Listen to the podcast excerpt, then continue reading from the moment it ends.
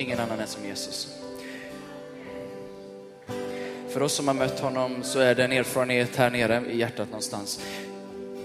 Men även om du inte har mött honom så är det faktiskt ingen som kan mätas med den Jesus. Och den väg han har banat för mänskligheten, den ger hopp. Och den väg han har banat för mänskligheten, den ger en väg i kärlek. Den väg han har utstakat är vägen, sanningen och livet och den leder till Gud. Det ger hopp för vår, vårt land, för vår, för vår kontinent. Ingen är som Jesus. I honom upptäcker vi vårt värde. I honom upptäcker vi vad mänskligt värde är. I honom upptäcker vi också hur det trasiga kan bli helt. I honom upptäcker vi hur det som är långt borta kan få komma nära. I honom upptäcker vi att det som har varit splittrat blir förenat. Oavsett åldrar, åldrar, oavsett etniciteter, oavsett bakgrund och uppfostran. I den Jesus så finns det en enhet. Det finns en väg för vår kontinent. Det finns en väg för Europa, det finns en väg för vårt land. Vad än din bakgrund är, vad än din trasighet ligger i, hur din historia än har varit, om den har varit uppåt eller neråt, så kan vi tillsammans ha en gemensam framtid om vi följer denne Jesus. Om vi håller oss nära Jesus. Omfamnar Jesus.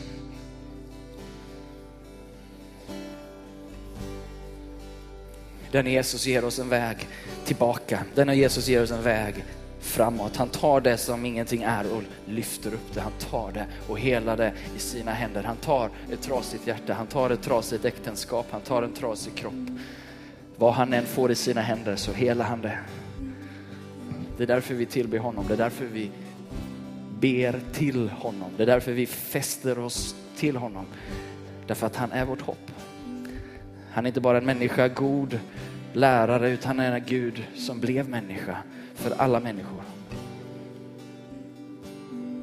Han är evangelium, han är glad, glada, glada budskapet, det goda budskapet ifrån himmelen.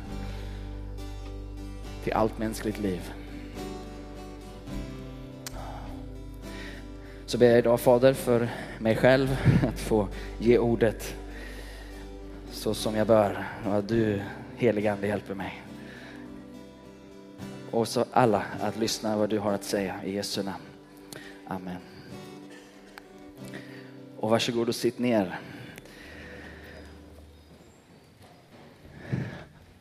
Och eh, kan vi inte göra så att vi också uppmuntrar våra lovsångare här som har banat väg för oss. Tack ska ni ha.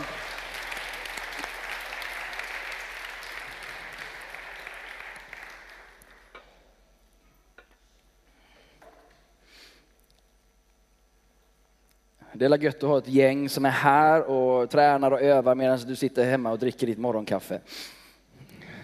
Eller hur? Du sitter där och tar lite extra tid på dig och läser kanske tidningen eller bläddrar på din iPad. Och så är det folk som är här och fixar ljudet. Tack Lars och projektor Torbjörn. Och, va? Ja, det, det är fantastiskt. Eh, Paul Orlenius heter jag och pastorföreståndare här i församlingen. Eh, och ehm, jag ska försöka hålla mig lite kort då, vi får väl se om det går bra. Men eh, eh, likväl, det här är en fantastisk dag och varje år som vi står här, det är det nionde året som vi får samla ett gäng med, med elever som har, har suttit vid vad vi kallar för sitta vid Jesu fötter. Ehm, och sen få sända dem vidare. Vi har glädjen att få välkomna tillbaka elva stycken, tror jag, eller liknande. Vi får se här, vi har inte pratat igenom allt med alla här, men det är i alla fall ser ut att bli ett helt gäng som går internship. Det är ju jätteroligt tycker jag, ehm, som går andra året. Ehm, så det är ju roligt att man har gått här ett år, så vill man fortsätta ett helt år till. Det är inte det makalöst? Men så är det i alla fall. För eh, 17 år sedan så var jag i era kläder, fast jag hade på mig en sån här eh, väldig mössa och grejer. Eh, jag gick bibelskola i London, i det som heter International Bible Institute of London. Eh, vår skola heter International Bible Institute of Stockholm. Då satt jag där och hade på mig hela den här, vad heter det? Examenskläder, det är någon sån här fladdrig sak. Särk, ja. Eh, så där satt jag i min särk och min mössa och sen skulle man flytta över den där eh, prylen fram till. Det är ju väldigt snofsigt. Jag vet att, att eh, ni VTC-studenter, ni får ju faktiskt åka till Chester universitet och vara med på den stora graduation där i den katedralen där. Så eh, om ni vill det så kan ni ju få uppleva det.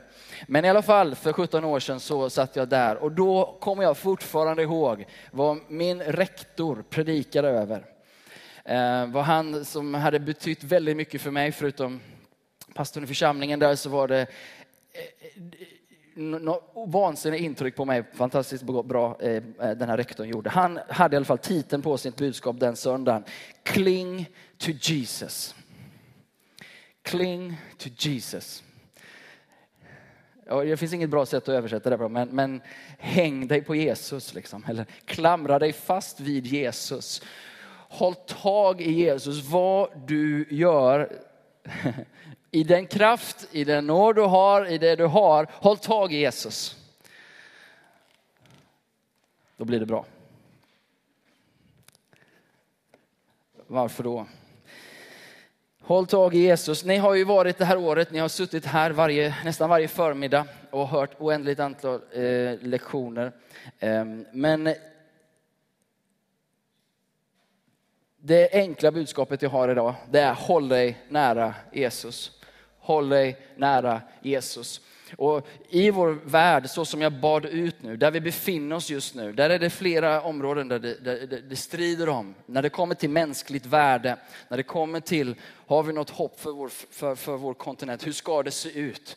Vi, vi har liksom en, flera frontalfrontzoner i, i den värld vi lever. Och mitt budskap är till er elever, vet håll er till Jesus, var hans efterföljare. Lev nära honom. Låt honom få sätta prägen på ditt liv fortsättningsvis. Jesus är vägen, sanningen och livet. Det är så enkelt att vi tappar bort det och den här boken är fantastisk. Den handlar om Jesus. Låt oss hålla oss tag vid Jesu ord. Vi har allt att vinna i honom. Om du eh, öppnar Efesierbrevet kapitel 2 så ska jag använda det lite grann för att dela mina, de tankar som jag har med mig idag.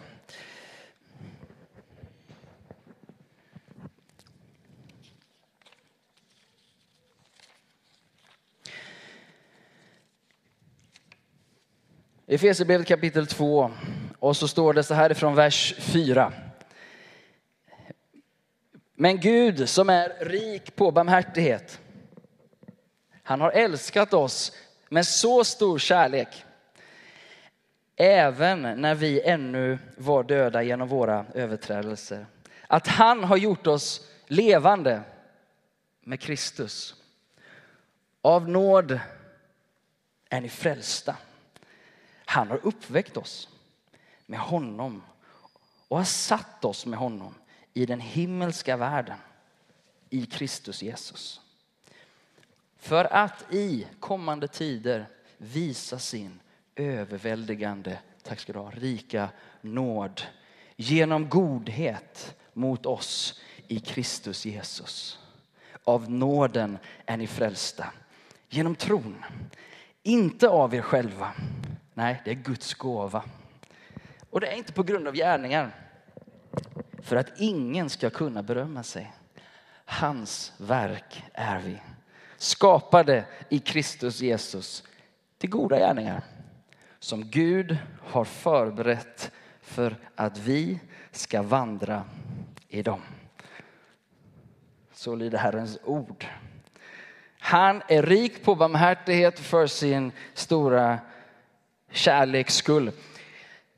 Vi har pratat om det lite i bibelskolan. Det är lite sådär översatt skulle jag vilja påstå. Det är inte ofta jag har åsikter om översättningar i Bibeln, men här är jag lite sådär.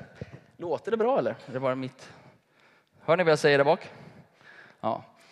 Han, det står att han är rik på barmhärtighet. Och därför låter det nästan som att han älskar oss på grund av att han är rik på barmhärtighet.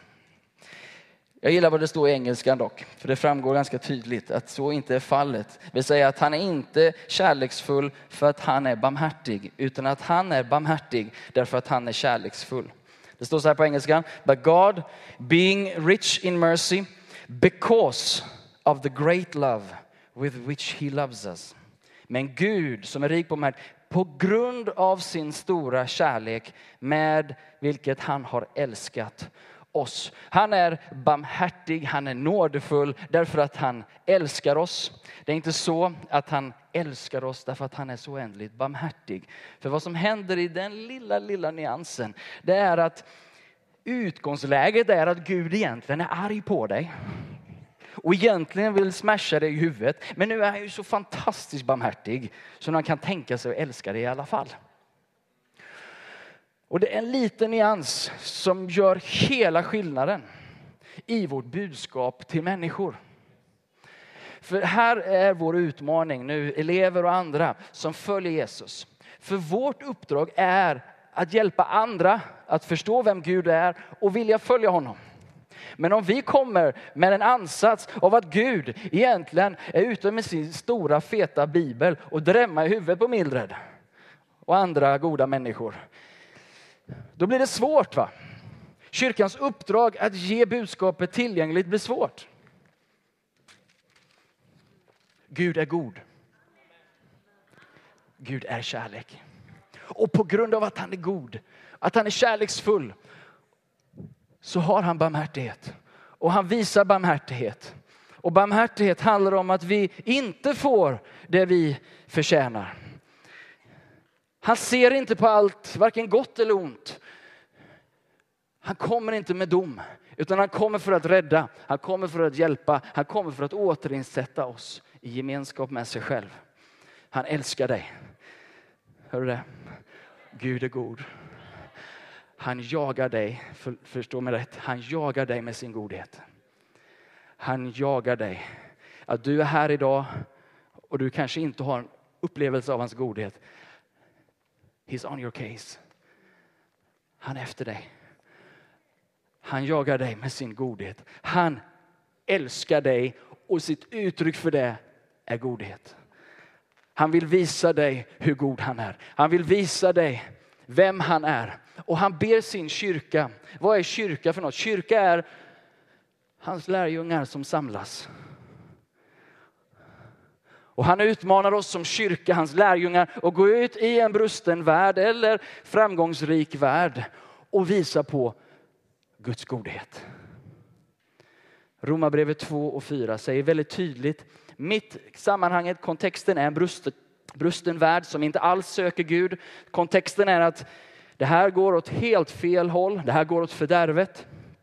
Men mitt där i Romarbrevet 2 och 4 så står det, förstår ni inte, inser ni inte att det är Guds godhet som för oss till omvändelse. Att det är i Guds godhet han för oss från en riktning till en annan.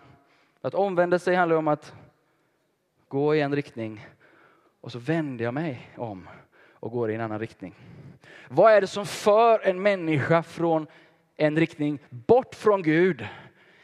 I avsmak från Gud med hjärtats högmod att själv vara Gud.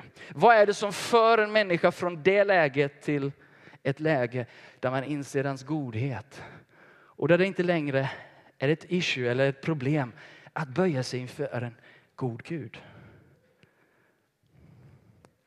Det är när kyrkan, när vi börjar gå till en värld som har en kanske en tokig, snedvriden gudsbild och vi börjar presentera en mer Jesuslik gudsbild. När vi börjar både vara en spegling av honom och talar och representerar en sann gudsbild. Vi har ett gigantiskt uppdrag kyrkan. Att gå till en värld som har en snedvriden gudsbild, mycket tack vare kyrkan skulle jag vilja säga. Men vi har en möjlighet i de här dagarna, i den här tiden, att gå ut och få vara en annan representant, att få representera Guds godhet som för till omvändelse. Att göra, som vi läste, goda gärningar som han har förberett. Hans verk är vi, skapade, nyskapade i Kristus Jesus för goda gärningar som han har förberett. Goda gärningar som gestaltar en god Gud. Så att en brusten värld, en förlorad värld, en värld som springer sitt eget lopp i en annan riktning får en möjlighet att se vem han är och att hans godhet för till omvändelse. Det är vårt uppdrag. Under några söndagar tidigare så har jag talat om tre saker. Varför, varför ska vi hålla oss till Jesus? Why cling to Jesus? Han ger oss tre saker, han ger oss tre fundament, tre pelare som är värt att leva och dö för. Och när jag säger dö för så handlar det inte om att döda för. Väsensskilt, eller hur? Men en kyrka i delar av världen idag dör för de här sanningarna. Bombas ihjäl eller skjuts ihjäl eller fängslas. Men det han kommer att ge oss, tre fundament, för det, som vi har predikat om tidigare. Ett, att han ger oss en upprättad bild av människan. Vi förstår vad människan är när vi ser på Jesus. Vi förstår hur hon var skapad och vilken tanke Gud hade med människan. Vi förstår också i berättelsen om Jesus att människan är trasig. Att den död som vi ser genom Jesus inte hans egen död, utan han dör på grund av den trasighet, på grund av den synd som människorna bär. Men döden, det här är berättelsen om Jesus, döden kunde inte hålla kvar Gud i dödsriket, utan Gud uppstår som människa. Och det ger oss hopp. Det ger oss en väg tillbaka. Det spelar ingen roll hur mörkt mörkret är i ditt liv eller kommer vara i dagar som kommer. Gud har varit i det mörkaste av mörker och mörkret övervann honom inte. Ljuset övervinner mörkret. Det finns inget mörker som kan släcka ljuset, eller hur? Har du prövat? Oh, nu ska vi mörka till det här så inte ljuset syns. Det går inte. Han övervann mörkret. För det andra så har vi pratat om den nåd som Jesus ger. Om det första är en upprättad bild av vad människan är för någonting. För det, det behövs i vår tid. Vi behöver förstå vad mänskligt värde, vi behöver en värdegrund om att varje unik människa har ett oersättligt värde, född som levande, men levande, född som ofödd. Att mänskligt liv är värdefullt inför Gud och mellan oss därför att de, och vi, varje människa är skapad till Guds Guds avbild. Men det andra vi har pratat om det är nåd, att Jesus ger oss en väg. Han, han, han ger oss och gestaltar vad nåd är. Kraften i, i nåden. Efesierbrevet sa så här. Av nåden är frälsta. Han har uppväckt oss med honom och satt oss med honom i den himmelska världen i Kristus Jesus för att i kommande tider visa sin överväldigande rika nåd genom godhet, genom godhet mot oss i Kristus Jesus. Av nåden är ni frälsta. Av nåden är ni räddade genom tron. Inte av er själva. Guds gåva är det. Inte på grund av gärningar. Jag, jag gillar hans nekande satser. Han bara, det är inte på grund av det här. Det är inte på grund av det här. Det här är det. Det är gåva och den kommer till dig genom tro. Ingen ska kunna berömma sig. Nåd är nåd så länge vi inte kan förtjäna det. Att vi får det vi inte förtjänat. Om barmhärtighet är att vi inte får det vi förtjänar, då är nåd att vi får det vi inte förtjänar. Du får gå hem och fundera på det.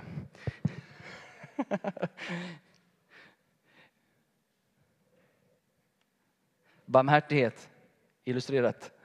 Om jag är på väg bort från Gud, ställt till med massa elände, sårat människor, eh, syndat mot människor, gjort en massa elände. Och så kommer jag till Gud och det finns en rättvisepatos hos Gud, där det finns det som är rätt och fel, det som är skadligt, det som bryter ner människor.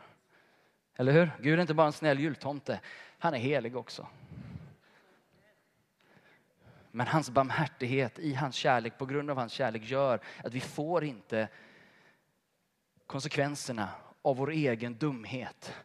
Utan i Kristus Jesus, i Jesus, när han dör på korset så lägger han dina konsekvenser, mina konsekvenser på sig själv. Ah.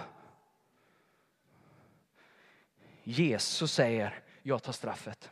Jag tar kulan. He took a bullet for you. Han tog din kula och han ställde sig som en bodyguard. Kulan skulle hamnat i din kropp, men den hamnade i hans kropp istället. Barmhärtighet är att du inte får det du förtjänar, men nåden gör att du får det du inte förtjänat. Så nåden greppar tag i dig på väg bort från Gud, hjälper dig, vänder dig genom hans godhet i en annan riktning och ger dig en helt ny utblick av livet. För att han i kommande tider ska få visa sin överväldigande rika nåd genom godhet mot dig i Kristus Jesus. Han tar all sin godhet. Tror du att det finns en del godhet i himlen eller? Det finns en hel del där uppe som du vill ha. Och genom Jesus Kristus, genom Jesus, genom det han gör, har gjort och det han gör i ditt liv så vänder han dig till den riktningen där du kan få ta del av hans överväldigande rika nåd genom godhet mot ditt liv. Och det kan du aldrig förtjäna dig till. Du kan inte be dig in i det, du kan inte läsa dig genom Bibeln hundra gånger för att få tag på det. Du kan inte fasta dig igenom det, du kan inte göra goda gärningar genom till för att komma in i det. Han ser på dig och vet du vad han refererar till? På grund av hans kärlek för dig i Kristus Jesus. På grund av att han älskar dig lika djupt som jag älskar Kasper. Han ligger och sover här. Lika mycket som jag vill allt gott för honom. Han kan ju inte göra någonting för mig som har av värde när det kommer till min överlevnad, min, min eh, utveckling på olika områden. Han, kan, han har ingen kunskap att ge mig. Han kan inte ens hjälpa mig att plocka ur diskmaskinen. Jag har ju ingen användning av honom.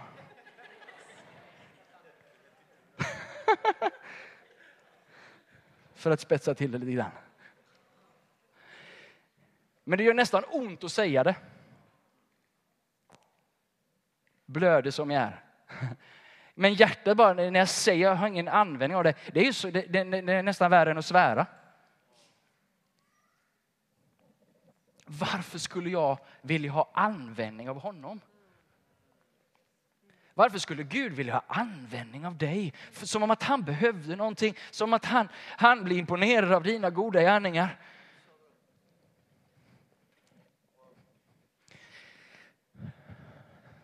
Jag hörde via någon att en ökenfader sa så här. Är ni med på den källhänvisningen?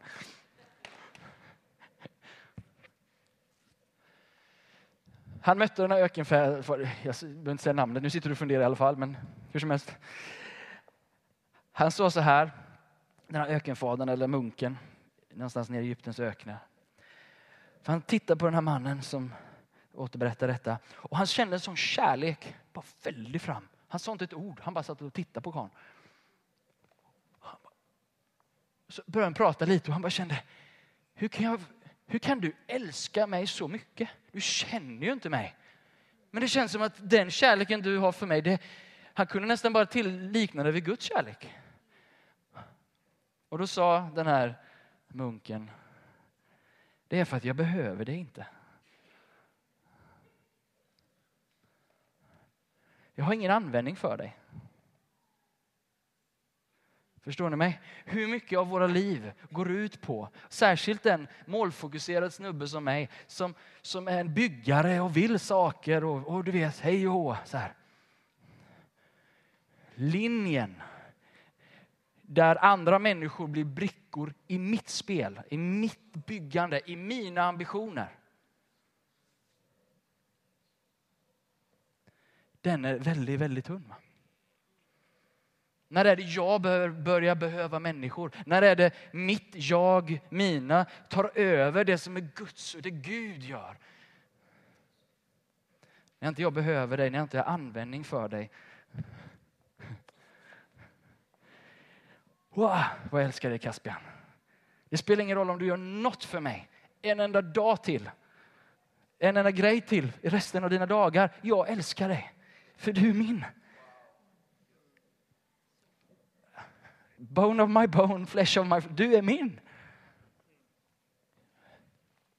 Sen finns det träning och det finns att resas upp och det handlar om ett samspel. Det finns ju massa saker att göra. Men ni förstår mig, där nere. Gud behöver inte dig för att använda dig som en bricka i sitt spel. Han älskar dig. Och han ser på dig och han, Idag kanske du är en loss, förlorad pusselbit. Du kanske är en pusselbit som hamnat i fel pussel. Du kanske är en pusselbit som lever sitt eget liv i någon låda någonstans. Gud har ingen användning av dig på ett sätt som han skulle vilja förbruka dig. Han har en kärlek för dig, att han vill ha gemenskap med dig. Det skulle göra så ont i mitt hjärta om Caspian inte ville vara med mig. Men om han inte sprang till mig, om han inte kom till mig när han är ledsen, om han inte kom till mig när han har det är ju det värsta nu när man uppfostrar barn. Det är ju när de gör någonting som de vet är fel och så kommer de inte till mig. Utan de undanhåller det och kommer med lögner istället. Men det gör ju ont. Eller hur? Kom till mig, säger pappa. Kom till mig. Bråtet det har jag ju löst. Jag sände ju min gripande son för att ta kulan i ditt ställe. Jag ska inte döma dig, jag har ju frikänt dig. Kristus har frikänt dig. Domen, det finns ingen dom. Den är på Kristus lagd. Han kommer för att rädda dig. Han kommer för att lyfta dig. Guds godhet jagar dig idag. Var du än är i livet. Och kanske det är som det är i Matteus 14. Nu får de skrika ner mig snart. Du vet när man börjar predika nåd, då tar det aldrig slut. Amen. Ja, halleluja. Så här är det i Matteus kapitel 14. Um, ehm, vers 22.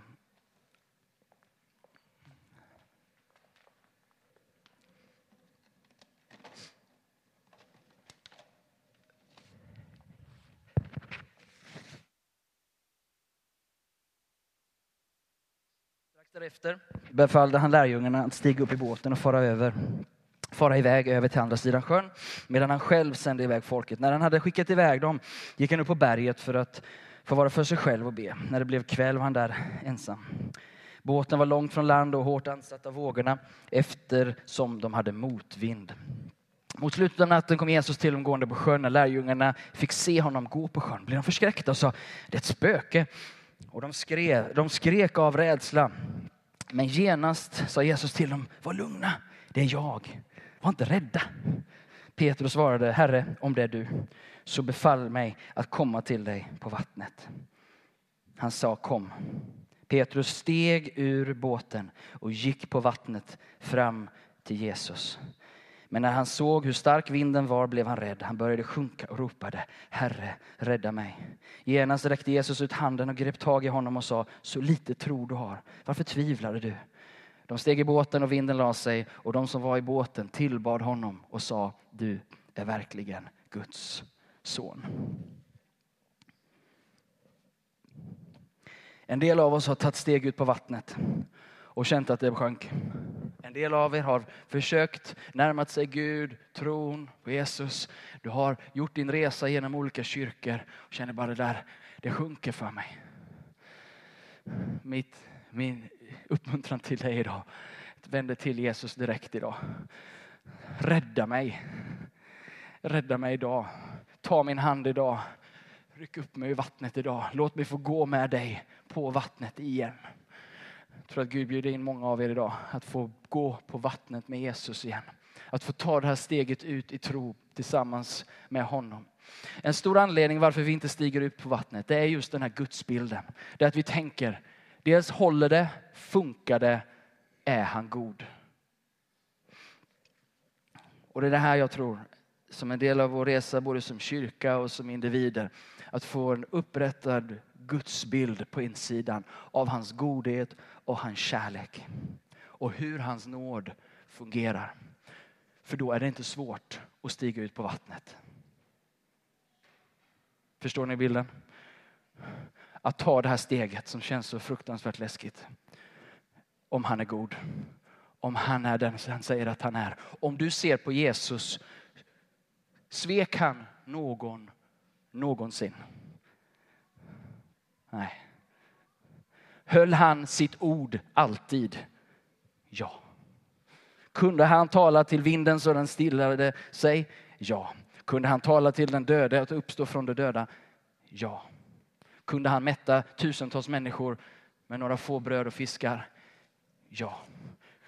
Uppstod han ifrån de döda? Ja. Han är Guds son och du kan lita på honom. Han är Gud och han är god. Vill du börja gå på vattnet med honom? Du kanske befinner dig mitt i motvinden som de här lärjungarna. Det är ju intressant att Jesus går upp och ber är för sig själv, skickar ner lärjungarna i en storm. I motvind. Och där är du kanske just nu. Du sa ja och du bara känner, käre Jesus, vilken storm. Jag pallar inte det här. Men det var han som sa det, han skickar dig ner dit. Men nu jagar han dig med sin godhet. För att få tag på ditt mod och lyfta ditt mod. Inte in i båten igen, helst. Ja, du kan få komma in där en stund med och vila. Men, men han vill ta dig ut på vattnet. Han vill att du ska få känna att det bär. Att det bär att leva i tro på honom. I förtröstan på hans godhet. I förtröstan på hans kärlek. Lovsångarna ska ni varit lite längre än vad jag tänkte, men det får vara okej då. Jag blev ju inspirerad här ett tag. Så då, i, I pingstkretsar så kallar vi det att man kommer i anden på något sätt eller blir, känner sig lite smord. Och det är pingstdagen dessutom. Jag har gått nytt år ja.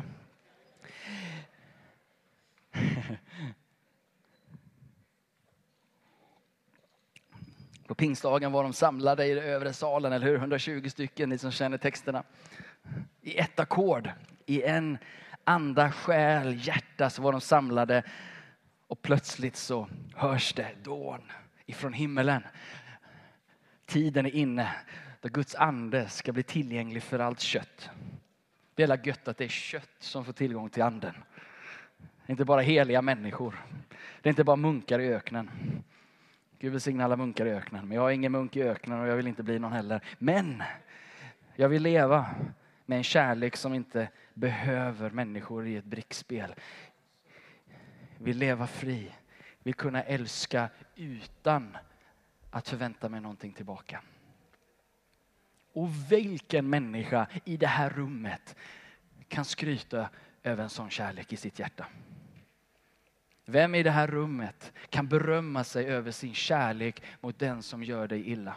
Vem i det här rummet kan berömma sig över att kunna älska det som inte är älskvärt? Det är inte svårt att göra gott mot dem som är goda. Men, men vad att göra gott mot dem som är onda? Att följa Jesus handlar om att ta ett steg upp i standard kan jag säga.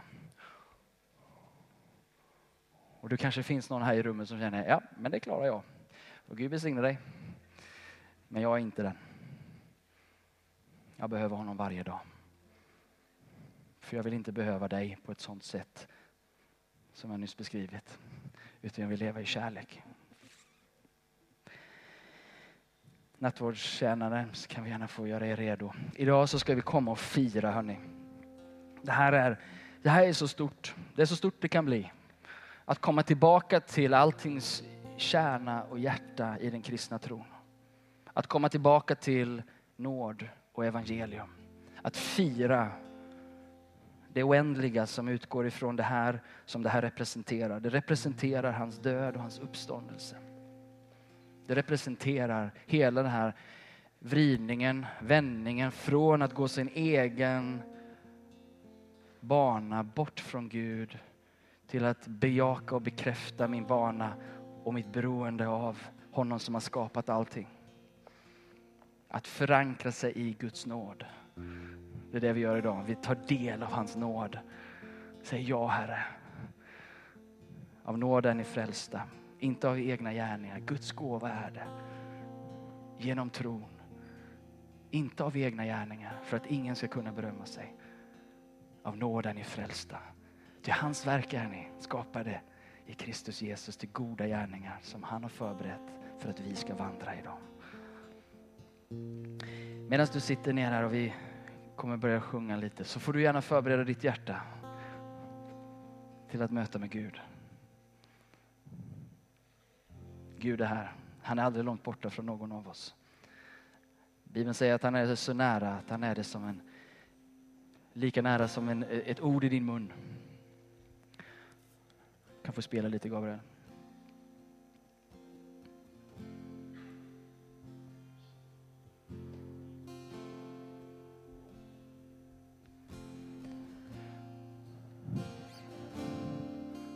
Och jag vet inte vilket stormigt vatten det är på eller om du sitter tryggt vid stranden. Men det finns en inbjudan idag ifrån himmelen via min mun här och nu. Att få ta emot det Jesus har gjort för dig och öppna upp en verklighet tillsammans med Gud. Gud har varit långt borta från dig kanske. Du undrar vad han har varit i den situationen och i den situationen. Eller i terrorsituationen som var utanför våra dörrar. Vad var Gud då? Men när vi vänder oss till Gud och genom Jesus tar emot det Gud har gjort och hans godhet och öppnas våra ögon och vårt hjärta förvandlas. Och vi kan börja se honom och uppfatta hans godhet. Medan vi ber nu allihopa, vi kan sitta med. Bara stängda ögon eller be, be för Be för dem som idag skulle behöva sträcka ut den här handen som Petrus gjorde när han kände hur, hur vattnet det sjönk under, under sig. Så i den här stunden så kan du få bara sträcka ut en hand mot levande Gud.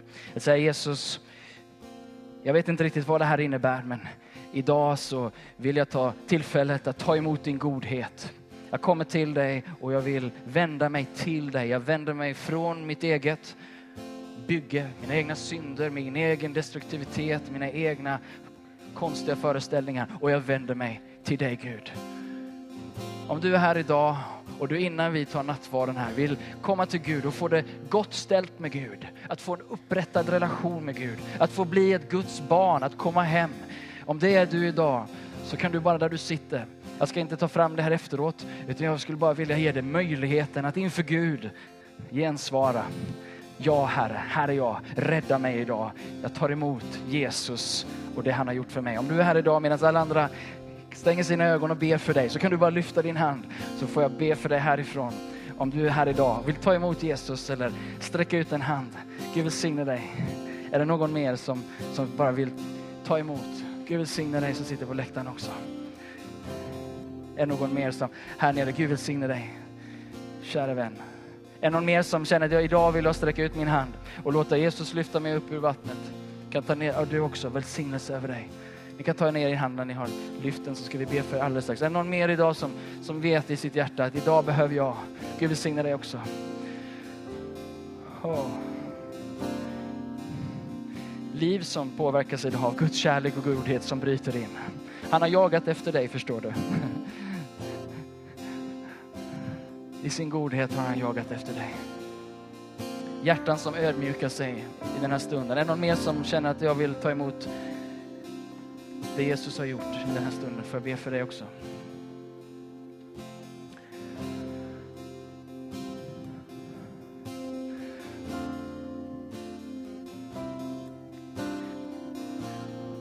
Jag kommer be en bön nu och du kan få be den bönen tyst eller högt för dig själv där du sitter i bänken just nu.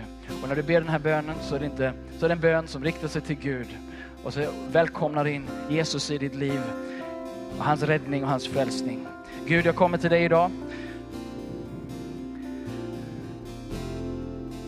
Och jag vill ta emot dig. Jesus som min Herre och som min frälsare. Jag sträcker ut min hand till dig Och jag ber att du lyfter upp mig. Jag ber att du förlåter mig mina synder. Jag vänder mig till dig och tar emot förlåtelse och ett nytt liv tillsammans med Gud. Jag vill vara ett Guds barn. Jag vill tillhöra Gud för evigt. Tack Jesus för vad du har gjort för mig. Jag tar emot dig idag.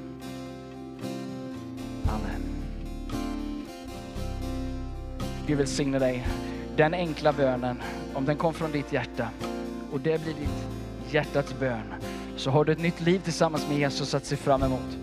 Vi kommer göra så här nu alldeles strax i nattvarden att vi kommer eh, gå fram i mitten här, ta emot nattvarden. Jag ska läsa eh, ett ord först bara. Men i, eh, när man har tagit emot nattvarden så kommer det finnas vad vi kallar för förebedjare. Människor som har förberett sig och är vana vid att be för, eh, be för olika behov. Och, och tog du emot Jesus idag och skulle vilja ha ett samtal, vilket jag rekommenderar, eller om du kom tillsammans med någon som redan känner Jesus, så knacka den i sidan och säg att jag, jag tog ett steg idag. Jag behöver stöd. Eh, så vill vi göra det här framifrån. Eh, ni kan prata också med några av oss pastorer, men inte minst förebedjarna som kommer vara vid min högra och vänstra sida.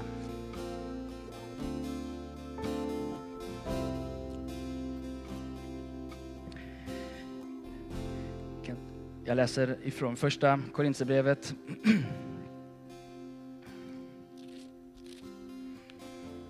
kapitel 11.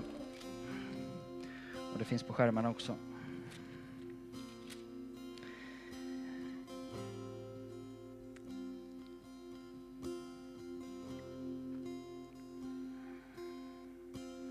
Jag har själv tagit emot ifrån Herren vad jag har fört vidare till er. att Den natt då Herren Jesus, Jesus blev förrådd tog han ett bröd, tackade Gud, bröt det och sa, detta är min kropp som blev utgiven för er. Gör detta för att minnas mig. På samma sätt tog han bägaren efter måltiden och sa, denna bägare är det nya förbundet i mitt blod. Så ofta ni dricker av det, gör det för att minnas mig. Och så ofta ni äter detta bröd och dricker denna bägare förkunnar ni Herrens död till dess han kommer. Idag utgår liv och nåd från den här platsen när vi tar emot dig i tro. Så ska vi stå upp tillsammans.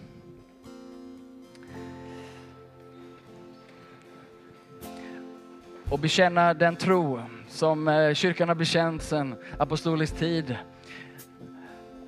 innan vi tar nattvarden tillsammans. Vi läser tillsammans. Vi tror på Gud Fader allsmäktig, himmelens och jordens skapare. Vi tror och på Jesus Kristus, hans enfödde son, vår Herre, vilken är avlad av den helige Ande, född av jungfrun Maria pinad under Pontius Pilatus, korsfäst, död och begraven, nederstigen till dödskrig. På tredje dagen uppstånden igen ifrån de döda, uppstigen till himmelen, sittande på allsmäktig Gud Faders högra sida. Därifrån igenkommande till att döma levande och döda. Vi tror också på den helige Ande, en helig allmännelig kyrka, det heliga samfund, syndernas förlåtelse, det dödas uppståndelse och ett evigt liv. Amen. Så lyder vår tro. Fader i himmelen, vi tackar dig för att allt är förberett genom din son Jesus Kristus. Vi kommer nu till nattvardsbordet för att igenkänna, tro och förkunna hans död och uppståndelse tills dess han kommer åter i Jesu namn. Amen. Har du kunskapens ord?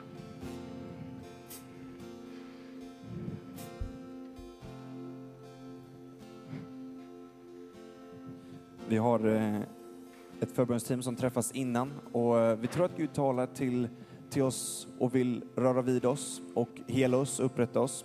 Och eh, vi tror att du finns här idag som, att vi tror att Gud bara vill sjunga ut Stor är din trofasthet, den lovsången till dig. Du som skulle vilja bara upp, att Gud vill upp, visa sig för dig som, som en trofast Herre, att han är dig trofast.